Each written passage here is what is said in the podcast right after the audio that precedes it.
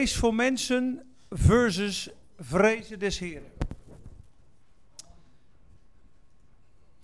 Even kijken.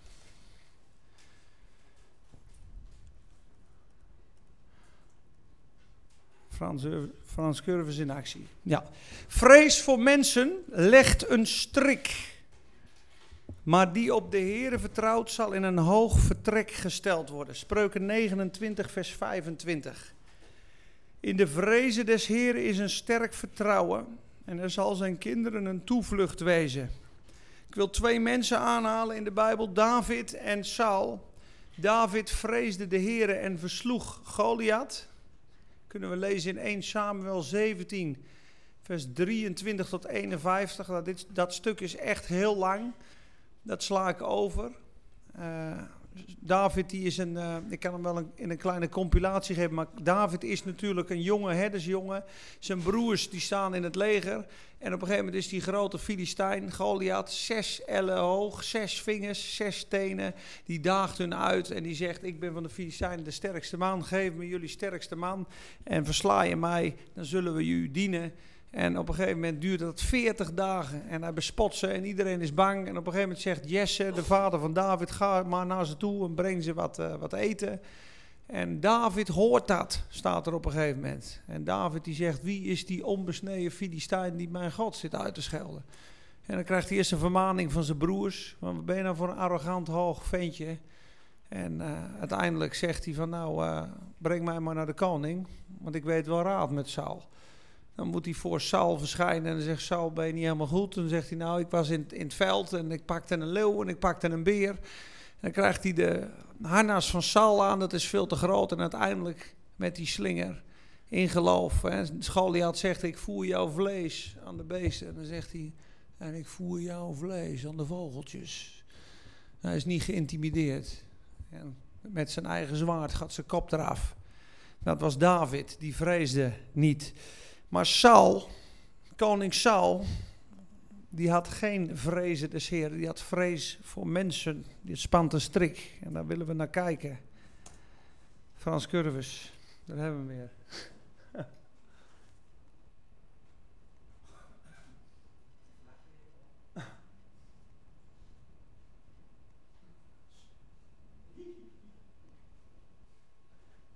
Het verschil tussen David en Saul. Saul opereert op zijn eigen inzicht. Dat kan ook wel zo. Dat kan prima zo. Uiteindelijk gaat hij zo ver dat hij alle priesters laat vermoorden.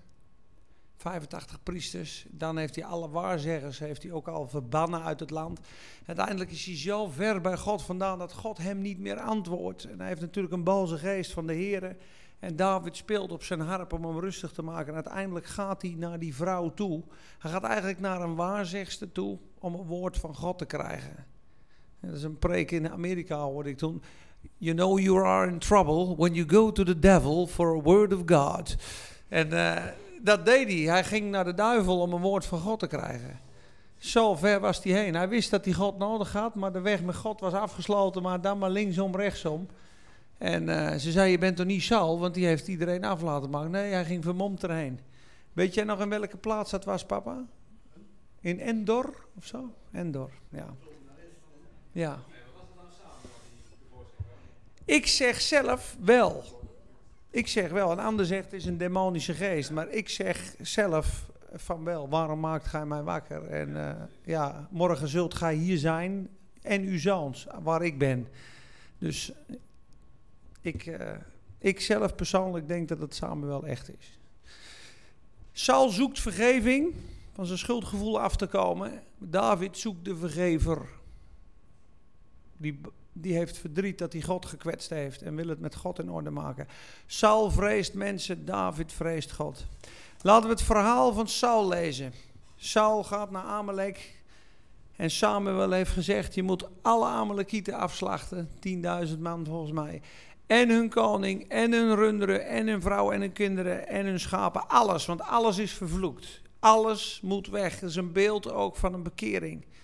Als je wil bekeren, je wil opruimen, alles de deur uit. Niet, dat laat ik leven, dat laat ik in leven. Het wordt een valstrik voor je. Dat is een beeld. Waar, daar moest hij de Amalekieten volledig verbannen. Doch Saul en het ganse volk liet Agag in leven. Dat was de koning. Die hadden ze als trofee.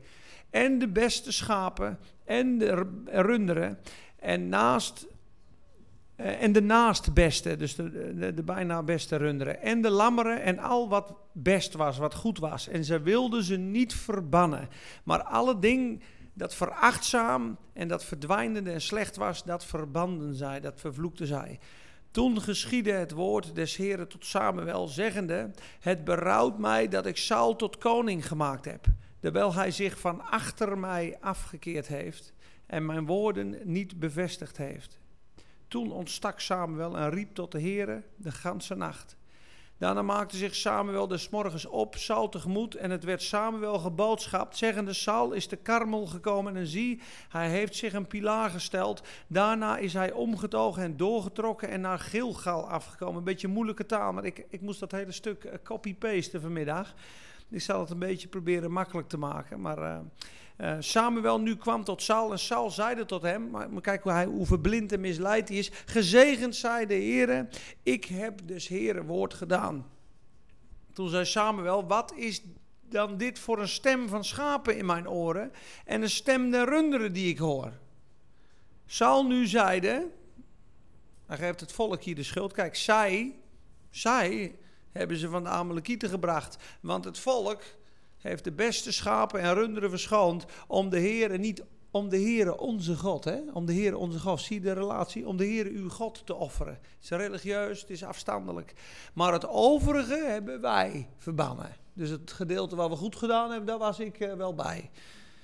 Toen zeide Samuel tot Saul, hou op, hou op, dat zei hij. Zo zal ik u te kennen geven. Ik zal je vertellen wat er aan de hand is en wat God vannacht tot mij gesproken heeft. Hij dan zeide tot hem: Spreek.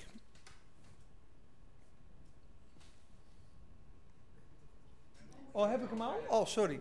Sorry.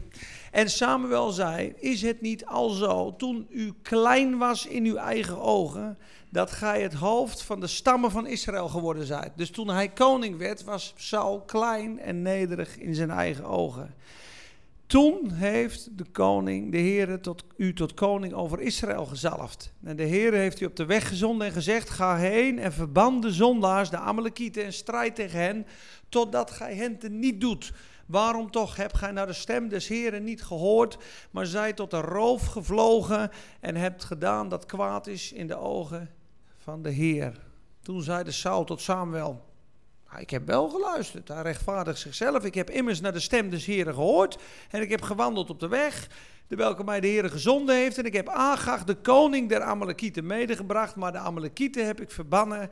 Het volk nu, geeft hij weer de schuld, heeft nu genomen van de roof, schaperen en runderen. Het voornaamste van het verbannen om de Heere, uw God, op te offeren te Gilgal. Doch Samuel zeide, heeft de Heere lust aan brandofferen en slachtofferen als aan het gehoorzamen van de stem des Heren. Met andere woorden, voor God is het gehoorzamen veel belangrijker dan de offerranden. Want zegt hij ook, zie, gehoorzamen is veel beter dan slachtoffer. Opmerken, opletten, dan het vetten van de rammen. Want wederspannigheid, dus rebellie, is als de zonde der toverij. En wederstreven is ongezeggelijkheid. Ik ben ongezeggelijk, het ligt altijd aan een ander. Ik heb er ook een handje van, jammer genoeg is afgoderij en beeldendienst. Omdat gij dus Heere woord verworpen hebt, zo heeft hij, u verworpen, dat gij geen koning zult zijn. Toen zeide Saul tot Samuel, ik heb gezondigd. Dan komt hij tot inkeer. Ik, omdat ik des Heere bevel en uw woorden overtreden heb. Want, zie je, ik heb het volk gevreesd en naar hun stem gehoord. Waar was hij bang voor? Voor het volk, voor de mening van de mensen. En er zijn heel veel dingen in ons leven die we moeten doen. En dan doen we ze voor 80, 90 procent. We hebben het toch gedaan. En dat laatste stukje is de vrezen des Heren. Of de vrees voor mensen. En de vrees voor mensen spant de strik en hij verliest hier zijn koningschap. En dan zou je zeggen, een beetje zware straf. Hij heeft toch wel een heel groot gedeelte gedaan. Maar zijn hart is niet in het, helemaal in het navolgen van God. Hij is bezig met zijn eigen koninkrijk. Hij wil zijn mensen behagen en God staat hier. En hij ging steeds verder bij God vandaan. En Saul, als je ook leest in 1 Samuel 8, maakte ook misbruik van alle mensen. Hij gebruikte hun dochters, hij gebruikte alles voor zijn eigen doel. Dus hier zie je hoe nauw het luistert. De vrezen des Heren en de vrezen van de mensen. Grappig? Nou, dit vond ik ook een mooie, die kwam ik tegen. In de voorbereiding kwam dit langest. Toen dacht ik, hé, hey, dat is wel heel mooi dat de moordenaar aan het kruis tot de vrezen des Heren komt. Ze hangen daar allebei en je weet, in Marcus en Matthäus schelden ze allebei de Heer Jezus uit. Maar hier in Lucas is het een uur later. En een van de kwaaddoeners die gehangen waren, lasterde hem, zeggende: Indien gij de Christus zijt, verlos uzelf en verlos ons. Maar de andere antwoordde, bestrafte hem, zeggende: Vreest gij ook God niet, dat gij in hetzelfde oordeel zijt? En wij toch rechtvaardig, want wij ontvangen straf waardig hetgeen we gedaan hebben. Maar deze heeft niets onbehoorlijks gedaan. En hij zeide tot Jezus: Heere, gedenk mij als gij in uw koninkrijk zult gekomen zijn. En Jezus zeide tot hem: Voorwaar, ik zeg u, heden zult gij met mij zijn in het paradijs de vrezen des Heren. Vreest gij nu nog steeds God niet, zegt hij tegen die anderen. Dus hij vreesde God. En het heeft zijn leven gered. Zie je dat? Is mooi hè? Nou een hele listige. En daar vallen we allemaal in als we niet uitkijken. En dit is mens eigen. Wij zijn geneigd op een gegeven moment het kwade wel te verzaken. En ehm, ook wel met God te willen leven. Alleen de volledige overgave en God vertrouwen in alles, dat kunnen wij mensen heel goed verdoezelen met religieuze daden, met verkapte godsdienst. Ga toch naar de kerk of ik doe het altijd Spakenburg. Ik ga toch naar de kerk. Ik lees toch mijn Bijbel. Ik, uh, ja, ik ben nog naar een conferentie geweest. En uh, ja, ik bid gewoon. En, uh, ik, doe, ik, doe mijn, ik doe mijn dingen. Net een man die van een vrouw, met een vrouw samenwoont. of getrouwd is. En de passie is niet zo top meer. En hij zegt, ja, maar wat zit je aan te zeuren? Ik werk, ik breng geld op tafel, ik koop elke week bloemen voor je. Maar zijn hart is niet meer super verliefd. Hij houdt niet echt meer van haar. Hij houdt wel van haar, maar de liefde is bekoeld. Hij is niet in love. Hij is niet verliefd. En op het moment dat de relatie met God op een laag pitje komt en wij niet in de zonde leven van het vlees, komt er een ander soort zonde om de hoek kijken. Een, een godsdienstigheid. Een godsdienstige zonde, die eigenlijk in de ogen van God nog veel listiger is. Waar de fariseeën natuurlijk uitmuntend in waren. De hele dag loven, lange gebeden op die straten. Iedereen doodgooien die zondigt. En zelf een slang van binnen. En zelf keihard, spijkerhard. En we kunnen daar invallen. En dan gaan we dus wettisch en religieus worden. Dan leg je jezelf wetten op, leg je jezelf geboden op. Je hebt geen prettig gevoel. En dan komt er eens een stem, ja dat komt omdat je dit niet gedaan hebt. Dus als je nou dit doet, dan heb je vrede. En als je nou dit doet, dan heb je vrede. En je wordt godsdienstig. En dat is heel listig. En dat hebben we net al gelezen. En dan gaan we eens even nakijken. En de volgende keer gaat het ook over de Galatenbrief. Dan komt dat ook terug.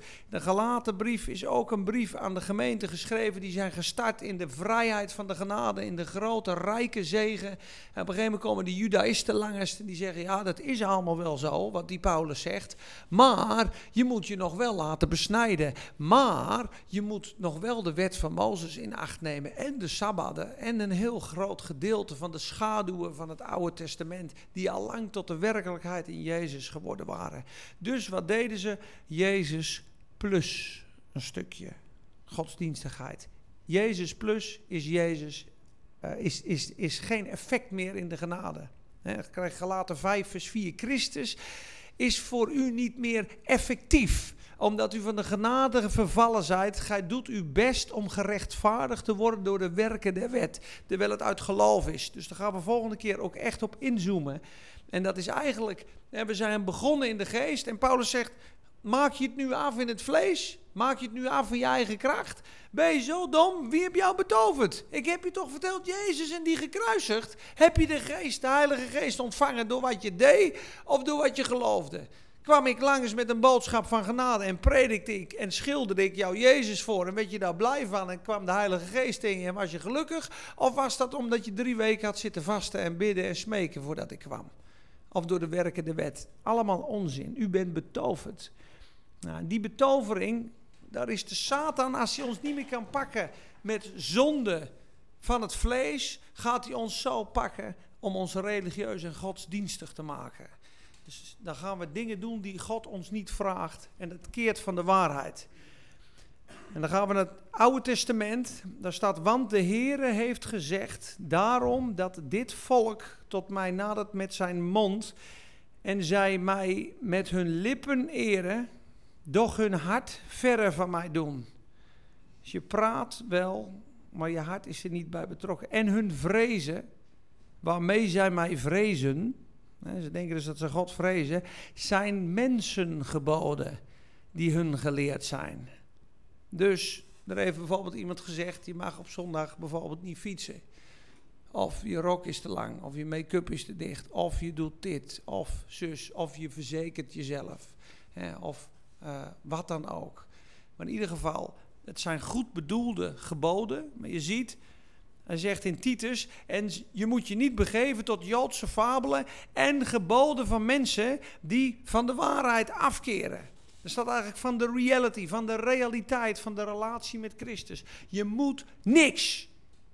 En op het moment dat je jezelf wetten oplegt, en dat gebeurt vrij snel, op het moment dat je niet meer geleid wordt door de Heilige Geest, dat is een hele goede graadmeter. Op het moment dat je gefrustreerd wordt, angstig wordt, onzeker wordt, of je bewust bent van je fouten en je zonden, ja, dan zit je onder de wet. Want de wet maakt je bewust van je zonde. De wet is fault finding. Hebreeën 8. In het oude verbond was God finding fault with them. Ja, hij vond uh, fout bij de mens. Maar nu zegt God, ik heb jou volmaakt gemaakt. Ja? Dus het moment dat je gefrustreerd wordt, ben je gestopt genade te ontvangen. Het moment dat je niet meer geleid wordt door de Heilige Geest, voel je eigenlijk dat er geen leiding meer is, dan ga je je vastklampen. Dan kom je automatisch op je oude patroon, op, op wetten en regels. En dan voel je de onzekerheid. Kijk, als je overtuigd wordt door de Heilige Geest van je hebt geroddeld, dat is heel wat anders als aangeklaagd en veroordeeld worden door de wet. Ja, dus op het moment dat je een fout of een zonde begaat en je voelt de bedroefdheid van de Heilige Geest of je voelt een onrust in je hart van dit, dit doe ik niet goed, dat is wat anders. Dan zeg je Heer, dit is niet goed wat ik gedaan heb. Ik kom terug tot u, was mij nu bloed en ik, ik bel die persoon op en ik ga mijn excuus aanbieden. Dan is er vrede. Maar op het moment dat je in eigen kracht wandelt en je voelt je onwaardig en je gaat dingen doen om het met God in orde te maken, zit je onder wet. Dus dat is een indicatie. En Galaten 5 zegt, vers 18, indien wij geleid worden door de Heilige Geest, zijn wij niet onder de wet. Op het moment dat je geleid wordt door de Heilige Geest, ben je niet onder wet. Dus op het moment dat je niet geleid wordt door de geest van God, word je door je vlees geleid, of door je natuurlijke denken, of door de vijand. Ja, de Satan zegt, ga maar lekker dit doen. Of je vlees zegt, nou, volgens mij moet je dit doen of dit doen. religieus. Of hij wil uh, zijn eigen gang gaan, maar hij wandelt niet met God. Dan gaat het fout. Nou, op het moment dat dat gebeurt, moet je terugkeren tot God en is de relatie met Jezus het belangrijkste. Heilige Geest, ik dank u dat u in mij bent. Leid mij. Daarom is het ook een leven van dankzegging.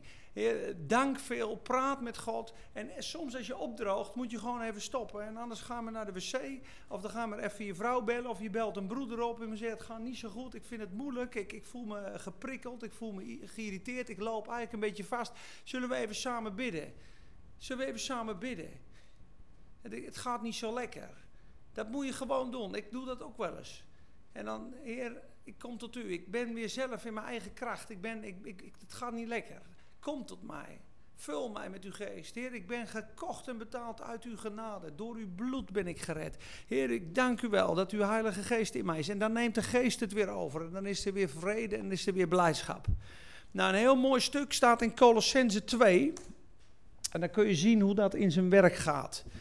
Hij zegt in Colossense 2: Indien gij dan met Christus de eerste beginselen, dus de wet en de lagere school, ja, van de wereld zijt afgestorven, wat wordt gij alsof je nog in de wereld leefde, we zijn hemelburgers, met inzettingen en bepalingen belast. Namelijk dit, pak niet, proef niet, raak niet aan. Je mag dit niet meer, je mag dat niet meer, je mag dat niet meer. Dit zijn allemaal dingen die door het gebruik vergaan. Ingevoerd naar de geboden en leringen van mensen. Dus mensen hebben deze geboden verzonnen uit welke reden dan ook. 1 eh, Timotheus 4 zegt zelfs dat er leringen van demonen zijn. Die verbieden om bepaalde dingen te eten en die verbieden om te huwen. Huwelijk huwelijken. Je mag niet trouwen, dus dat is ook geweest een tijd. Of je mag dit niet eten, of je mag dat niet eten. Dus geboden en leringen van mensen. De welke wel een schijnreden van wijsheid in eigenwillige godsdienst en nederigheid hebben. En in het lichaam niet te sparen. Dus ik ga het, uh, er was zelfs een vrouw bijvoorbeeld vroeger, die wou zo heilig leven. Die liet zich inmetselen. Dus die is er geweest op een gegeven moment. Nou, die, die zonde die krijgen we er wel onder. Ik laat mij eigen inmetselen. En op een gegeven moment was het dus de voorbijgangers en de mensen moesten haar voeden. Maar het was niet heilig genoeg. Dus op een gegeven moment gingen ze maar naar een half bekertje water en naar een droog kostje brood. Want dat kon nog dieper. En je kent natuurlijk Luther, die op zijn knieën de trap en in het ja, boetedoening. En, en dit is wat erin sluipt. Je doet van alles. Ik kijk geen tv meer. Ik ga niet meer sporten. Ik doe dit niet meer. Ik doe dat niet meer. Ik ontzie mezelf van alle leuke dingen. Want God wil dat niet. En God wil niet meer dat ik op vakantie ga met mijn geld naar de armen. En God wil dit niet meer. En ik moet in mijn Bijbel lezen. En ik moet dit en ik moet dit en ik moet dit en ik moet dit. En dan behaag ik God. Dan word je gewoon een slaaf. En het is tot geen enkele waarde voor God. Het is alleen maar tot verzadiging van het vlees. Dus dit is een valkuil. En dat opereert in de kerk veelvuldig. En dat opereert ook in ons leven.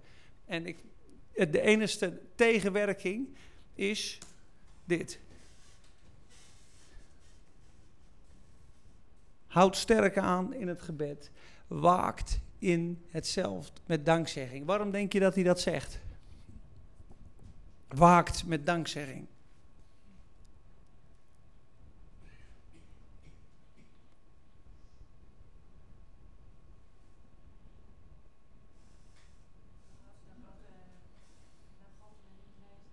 Mm Kijk, dankzegging verwacht het van God. En ziet niet op zichzelf. Op het moment dat je dankt, Dank je voor de zegening. Dank je voor de leiding. Dank je voor de gave. Ben je verlost van jezelf. Zie je ook niet meer op jezelf. Laat ons oog alleen gericht zijn op Christus, de beginnen en het einde en de voleinde van ons geloof. Ik ben gestorven, ik leef niet meer. Het is Christus die leeft in mij. Heer, ik dank u wel. U bent mijn leven. U kan vergeven. U bent de vrees Heer. U bent mijn vreugde. Ik dank u voor mijn zegening. Ik dank u voor de Heilige Geest. Ah man, ik dank u dat ik verlost ben van mezelf. Ik dank u dat ik het allemaal niet meer zelf hoef te doen. Ik prijs u. Het maakt je los van jezelf. Dus dankzegging is een bevrijdende factor. Gebed is een bevrijdende factor. Want op het moment dat je bidt, komt namelijk de Heilige Geest. En de Heilige Geest is het enigste tegengif tegen wetticisme. Op het moment dat de geest weg is, is het leven eruit. De geest is het leven. Zonder de geest is er geen liefde, is er geen genade, is er geen blijdschap, is er geen vrede, is er geen vrucht. De vrucht van de geest eruit is een dorre, droge, bittere tak. Gebeurt er met die tak? Krijgt geen vocht meer, het wordt een cactus. Hij wordt helemaal vervloekt. Het wordt een doorn. En in doorn zit een gif. En Sinaï, waar de wet gegeven is, betekent gif. Thorny. Thorny. Betekent, Sinaï betekent doornig, doornig. En in de doorn zit een gif. Dus op het moment dat je onder wet bent, word je door een doorn geprikt, komt er gif in je en sterf je. En genade is de vrucht van de wijnstok. Blijf in mij, dan draag je veel vrucht. Wat mij, het enige wat wij moeten doen is in hem blijven. En zijn geboden zijn niet zwaar. En hoe blijf je in hem? Door te danken. Door te loven. Zullen we maar eens gaan naar Efeze 5. Efeze 5. Efeze 5 en Colossensen gaan we dan. Leren jullie wat? Efeze 5, vers 17. Daarom zijt niet onverstandig, maar verstaat wat de wil van de Heer is. Word niet dronken in wijn, waarin overdaad is. Er staat niet drink geen wijn, er staat word niet dronken in wijn, waarin overdaad is. Maar wordt vervuld instead. In het Engels staat daarvoor in de plaats. Instead be filled with the Spirit. Wordt vervuld. Dit woord is een werkwoord. Zijt gevuld wordende, staat er. Be continually filled. Zijt gevuld wordende. Constant met die spons in dat water. Ja? Sprekende onder elkaar met psalmen, lofzangen, geestelijke liederen, zingende en psalmende heren in uw hart. Lekker liedjes neurien, lekker psalmen neurien tijdens het stofzuigen in de auto. Ja. Stof, tijdens het stofzuigen of tijdens... Ja, ik heb wel eens zo'n ding nou. Nee, nee, tijdens het stofzuigen of tijdens het autorijden. Hij keek naar het gezicht van Greet, dat was het lachen, dus ik was een halve zin kwijt. dat is het. Maar in, ieder, maar in ieder geval, making, making melody in your heart, dat kun je op alle plaatsen doen. En uh, ja, ja, als je dus echt in rust en vrede bent, dan, dan borrelen de psalmen ook op. Want die zitten in je geest. Het is zelfs zo, dit is ook een geheim, de geest schreeuwt met onze geest. Hè? God heeft een geest in onze harten gezonden. En die geest schreeuwt, staat er, Abba Vader. Hoor jij hem? Ik hoor hem niet. Maar er staat, hij schreeuwt zoals Jezus uitriep. Waarom hebt u mij verlaten? Die grote schreeuw, dat Griekse woord staat er. The Spirit shouts. Abba! Op dit moment schreeuwt de geest, Abba!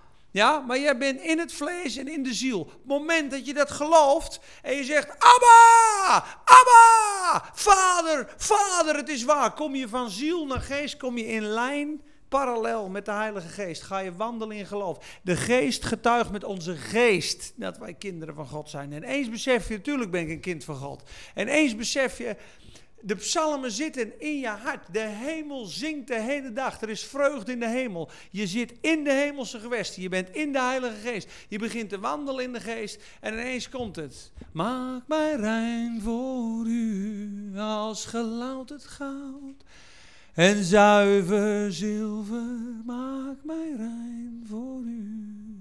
Ik krijg soms die van als hert dat verlangt naar water zo verlangt mijn ziel naar u. U alleen kunt mijn hart vervullen, mijn aanbidding is voor u. U alleen bent mijn kracht, mijn schild, aan u alleen geef ik mij kunt mijn hart vervullen, mijn aanbidding is voor u. Zo kom je ook in de geest. Psalm zingende, lovende.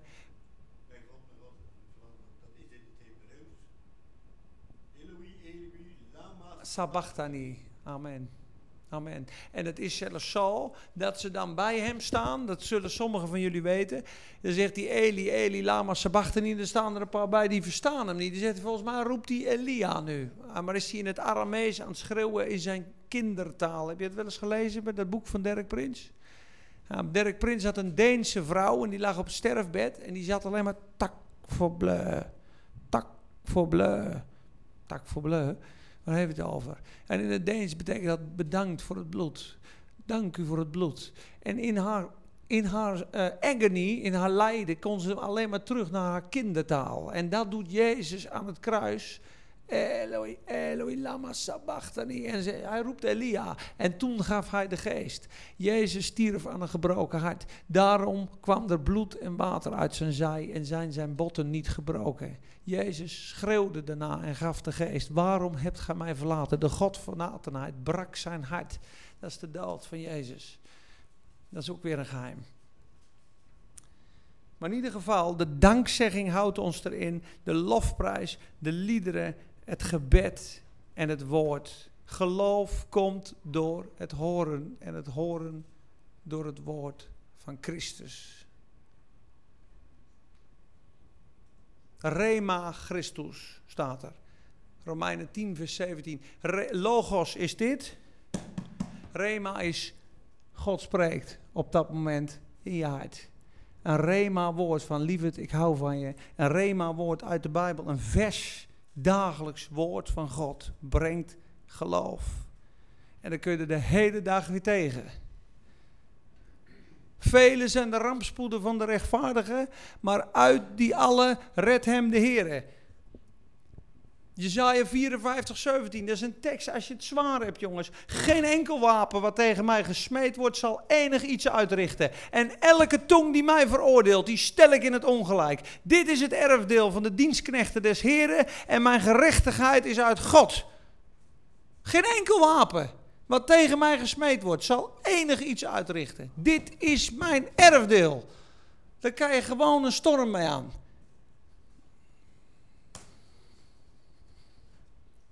Halleluja. Deze hebben we al gehad, hè?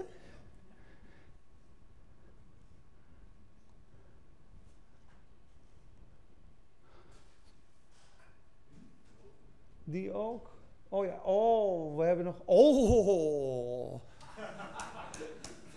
Dat is een mooie. Dit is de bom. Dit is de bom. Deze tekst is een van de rijkste teksten van de hele Bijbel. Er is geen één tekst in de hele Bijbel waar God zoiets zegt. Deze tekst moet je een jaar uitdiepen. Hier moet je over mediteren, hier moet je over denken. Dit is de sleutel die God geeft van zichzelf om de vrezen des Heren te krijgen. Dus nergens waar hij dat zegt in de hele Bijbel. Zult gij lieden mij niet vrezen? spreekt de Heer. Zult gij voor mijn aangezicht niet beven? Waarom? Die, het, die de zee het zand tot een paal gesteld hebt, met een eeuwige inzetting, dat zij daarover niet zal gaan. Of schoon haar golven zich bewegen, zo zullen zij toch niet vermogen. Of schoon zij bruisen, zo zullen zij toch daarover niet gaan. Toen ik dit voor het eerst las, dacht ik, ja, is dat nou zo bijzonder? Er zijn toch ook overstromingen en uh, ja, ja, ja, dat de zeeën uh, op de plek blijven. Is dat, is dat zo bijzonder dan? Hoe, hoe kijken jullie daar nu tegenaan als je dat voor het eerst hoort? Ja. Moet je nagaan dat de aarde twee derde is water. En hij is rond. En hij heeft geen hoeksteen. En hij zweeft. En dat water blijft gewoon erop. Ja, en dat God tot, zegt tot hier en niet verder. En dat water gaat niet verder. Dat is een geestelijke kracht. God houdt dat tegen. Als wij, moet je nagaan, een, een voetbal hier laat zweven, zo, een voetbal. En je snijdt er twee derde van weg. Dan gooi je water overheen en laat je mensen oplopen en je laat hem draaien en zweven zo. Dat is toch wel heel bijzonder, of niet? Zult gij mij niet vrezen? En dan lees je verder en dan denk je, nou, een paar maanden later in je Bijbel kom je dan bij Job 38 en dan spreekt de Bijbel, legt de Bijbel uit. Als je iets niet weet, gewoon parkeren, doorlezen. Er komt een tijd, dan lees je een tekst en dan krijg je het antwoord. Want de laatst stelde iemand mij een vraag, 1 Johannes 5 vers 16, de zonde die tot de dood leidt, wat zou dat kunnen zijn? Er zijn heel veel speculaties over, maar als je Jacobus 5 vers 20 ernaast legt, kom je al een heel eind. Job 38, vers 4 tot 11. En Job 38, vers 1 is de sleutel voor het hele boek Job. En aan het eind van hoofdstuk, uh, het eind van hoofdstuk 34 ook. Job 38 vers 2 moet ik zeggen, is de sleutel voor het boek Job. Laat ik maar beginnen in vers 1. Job heeft al zijn kinderen verloren. Ja? Zeven dochters, drie zonen volgens mij. Hij is ziek. Zijn drie vrienden hebben allerlei preken over hem losgelaten. Ja, hij zegt, jullie hebben makkelijk praten. Dan heeft hij zichzelf een paar keer verdedigd. Moet je nagaan, iemand die aan het rouwen is over tien kinderen, die daar met grote zweren in een hoekje zit.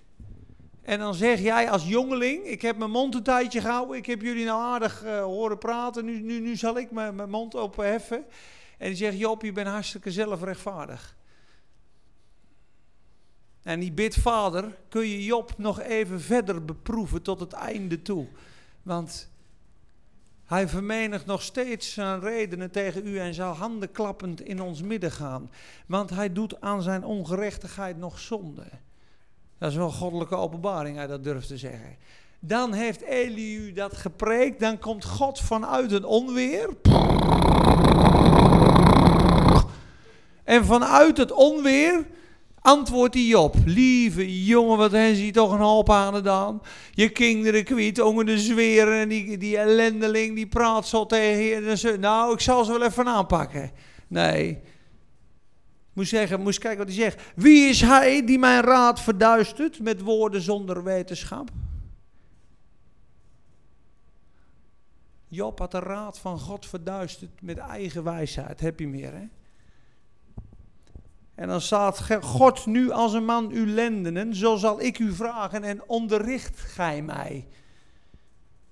Want je weet toch alles? Hij had zo'n wijsheid. God, hij was al gearriveerd. En God zegt, jij ga mij even vertellen hoe het is. Lees maar hoofdstuk 38, 39, 40, 41. Krijgt hij een vermaning van God op vermaning, op vermaning, op vermaning. Om God je lenden, onderwijs gij mij, je weet toch alles? Hoe, hoe vangen we een, een prooi voor een leeuw? Hoeveel regen moet er morgen vallen?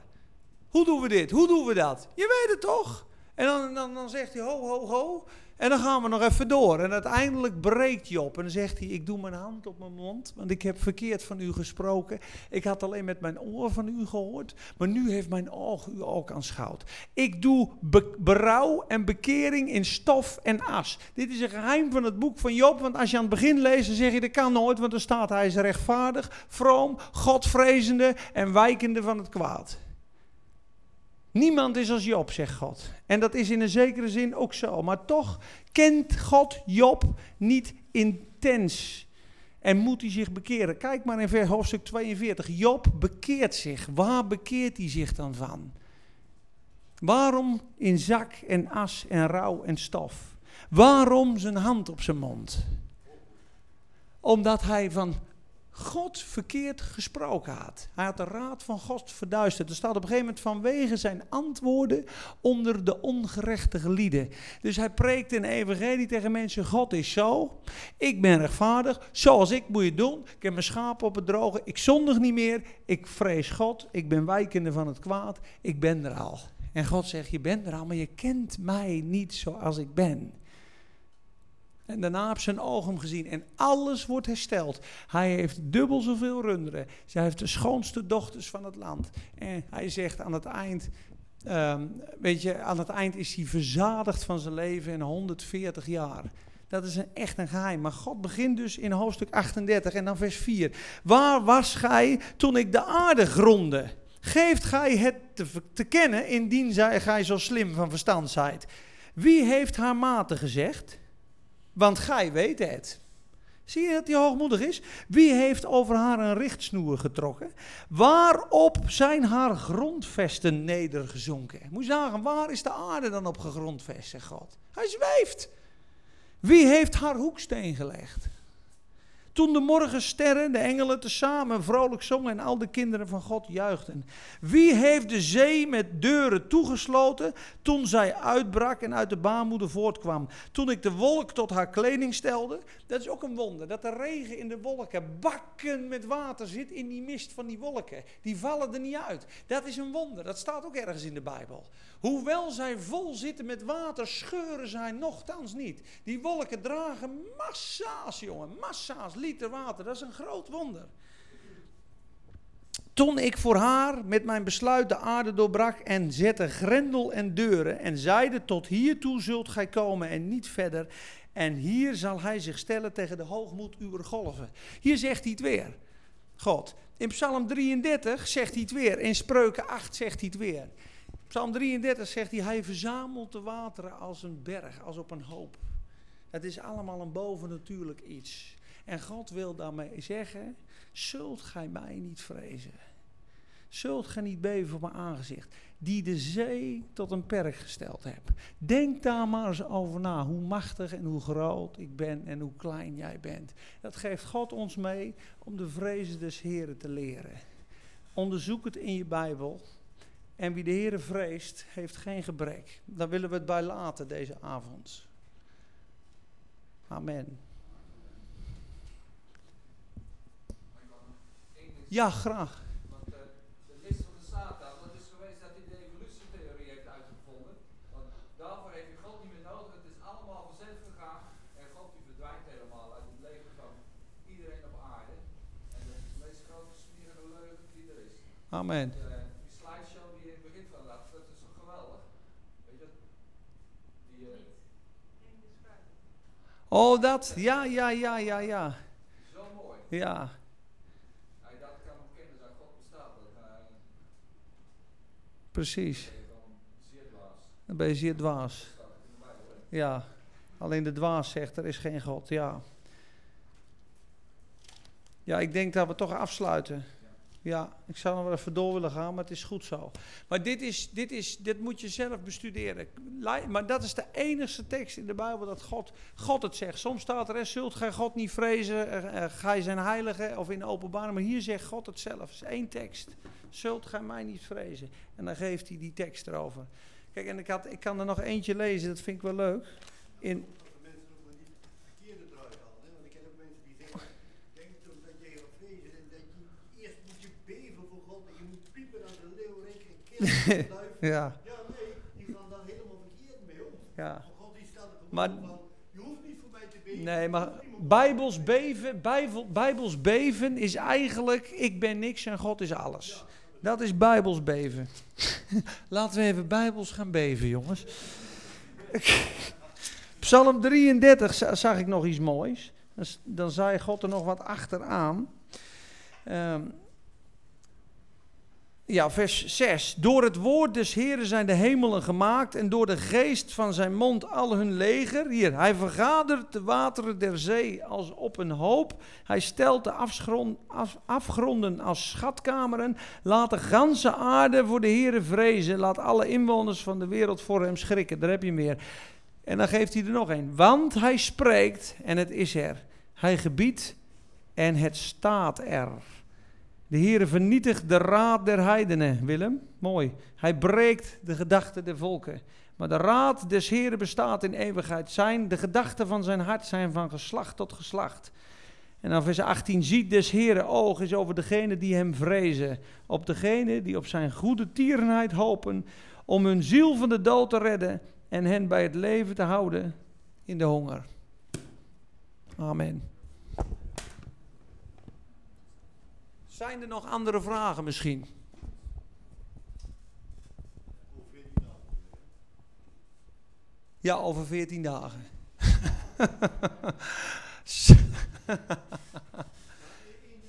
Ja, vanavond even te zijn eh, langs. Saul, die, die keert zich af en die leeft niet met de Heer, die, die vreest mensen. Maar dan wordt hij getroffen door een boze geest van God. Dat vind ik een beetje vreemd.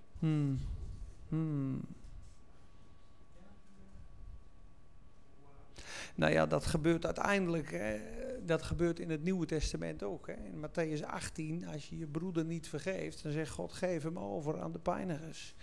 Dat is bijna hetzelfde. Als je dus in ruzie en bitterheid met een broeder bent en je vergeeft niet, ja, dan staat er... Ja, ja, ja oké, van God gezonden. Ja, ja. Ja, engel des Satans. Ja, maar weet je, wij zien God natuurlijk alleen aan die kant. Hè? Maar als je bijvoorbeeld Jezaja 45 leest, dat is, een tekst, dat vind je misschien moeilijk, maar dit is ook God. Het staat ook in 1 Samuel 2. Als je Jezaja 45 leest, dan denk je, nou, hier hebben we nog wel wat openbaring nodig. Jezaja 45, vers 5 begin ik. Ik ben de Heer en niemand meer. Buiten mij is er geen God. Ik, ik, zal u godden, hoewel gij mij niet kent. Opdat men weten van de opgang der zon en van de ondergang dat er buiten mij niets is. Ik ben de Heer en niemand meer. Ik formeer het licht en schep de duisternis. Ik maak de vrede en schep het kwaad. Schep het onheil. Ik, de Heer, doe al deze dingen. Dat is een diepe, hè? Hij schept het onheil voor zijn doel. Of het weten, hij zet de Satan geschapen. Ik heb de kolen, er is een smid geschapen die de kolen in het vuur aanpakken. Dat zijn de diepe dingen van God in de eeuwigheid. Zeggen. Ze zeggen zelfs, er is een boek geschreven van hoe God de duivel schiet. Als je dat boek leest, aan het eind ben je aan het juichen, zeggen ze. Dan ben je aan het juichen. Dat, waarom God de duivel geschapen heeft. Die brengt ons alleen maar dichter bij God. Nee, het laatste wat ik nog vond, God is dus de maker van het kwaad, maar hij is niet de werker van het kwaad. Ja, dan moet je nog een keer uitleggen, ik snap het niet. Hij heeft het kwaad gemaakt, maar hij is niet de uitwerker van het kwaad. Ja, ja want het staat in Jacobus ook, God kan niet met het kwade verzocht worden. Met andere woorden, hij verleidt je niet om je te beproeven. Maar dat zijn allemaal dingen, jongens, ik weet ook lang niet alles, maar ik weet wel dat God een hele bijzondere werking heeft. En dat hij Nebuchadnezzar zijn knecht noemt.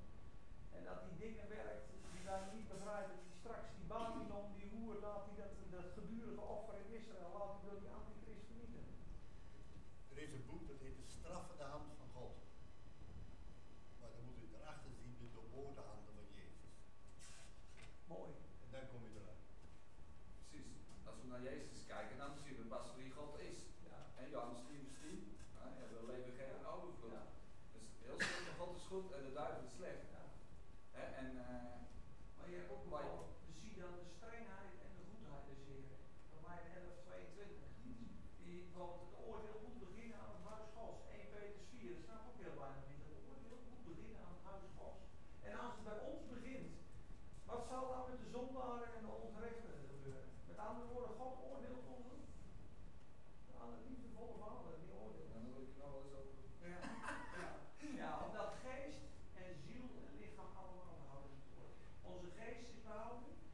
behouden, onze ziel wordt behouden en ons lichaam zal behouden worden. Mhm. Amen. Laten we stoppen.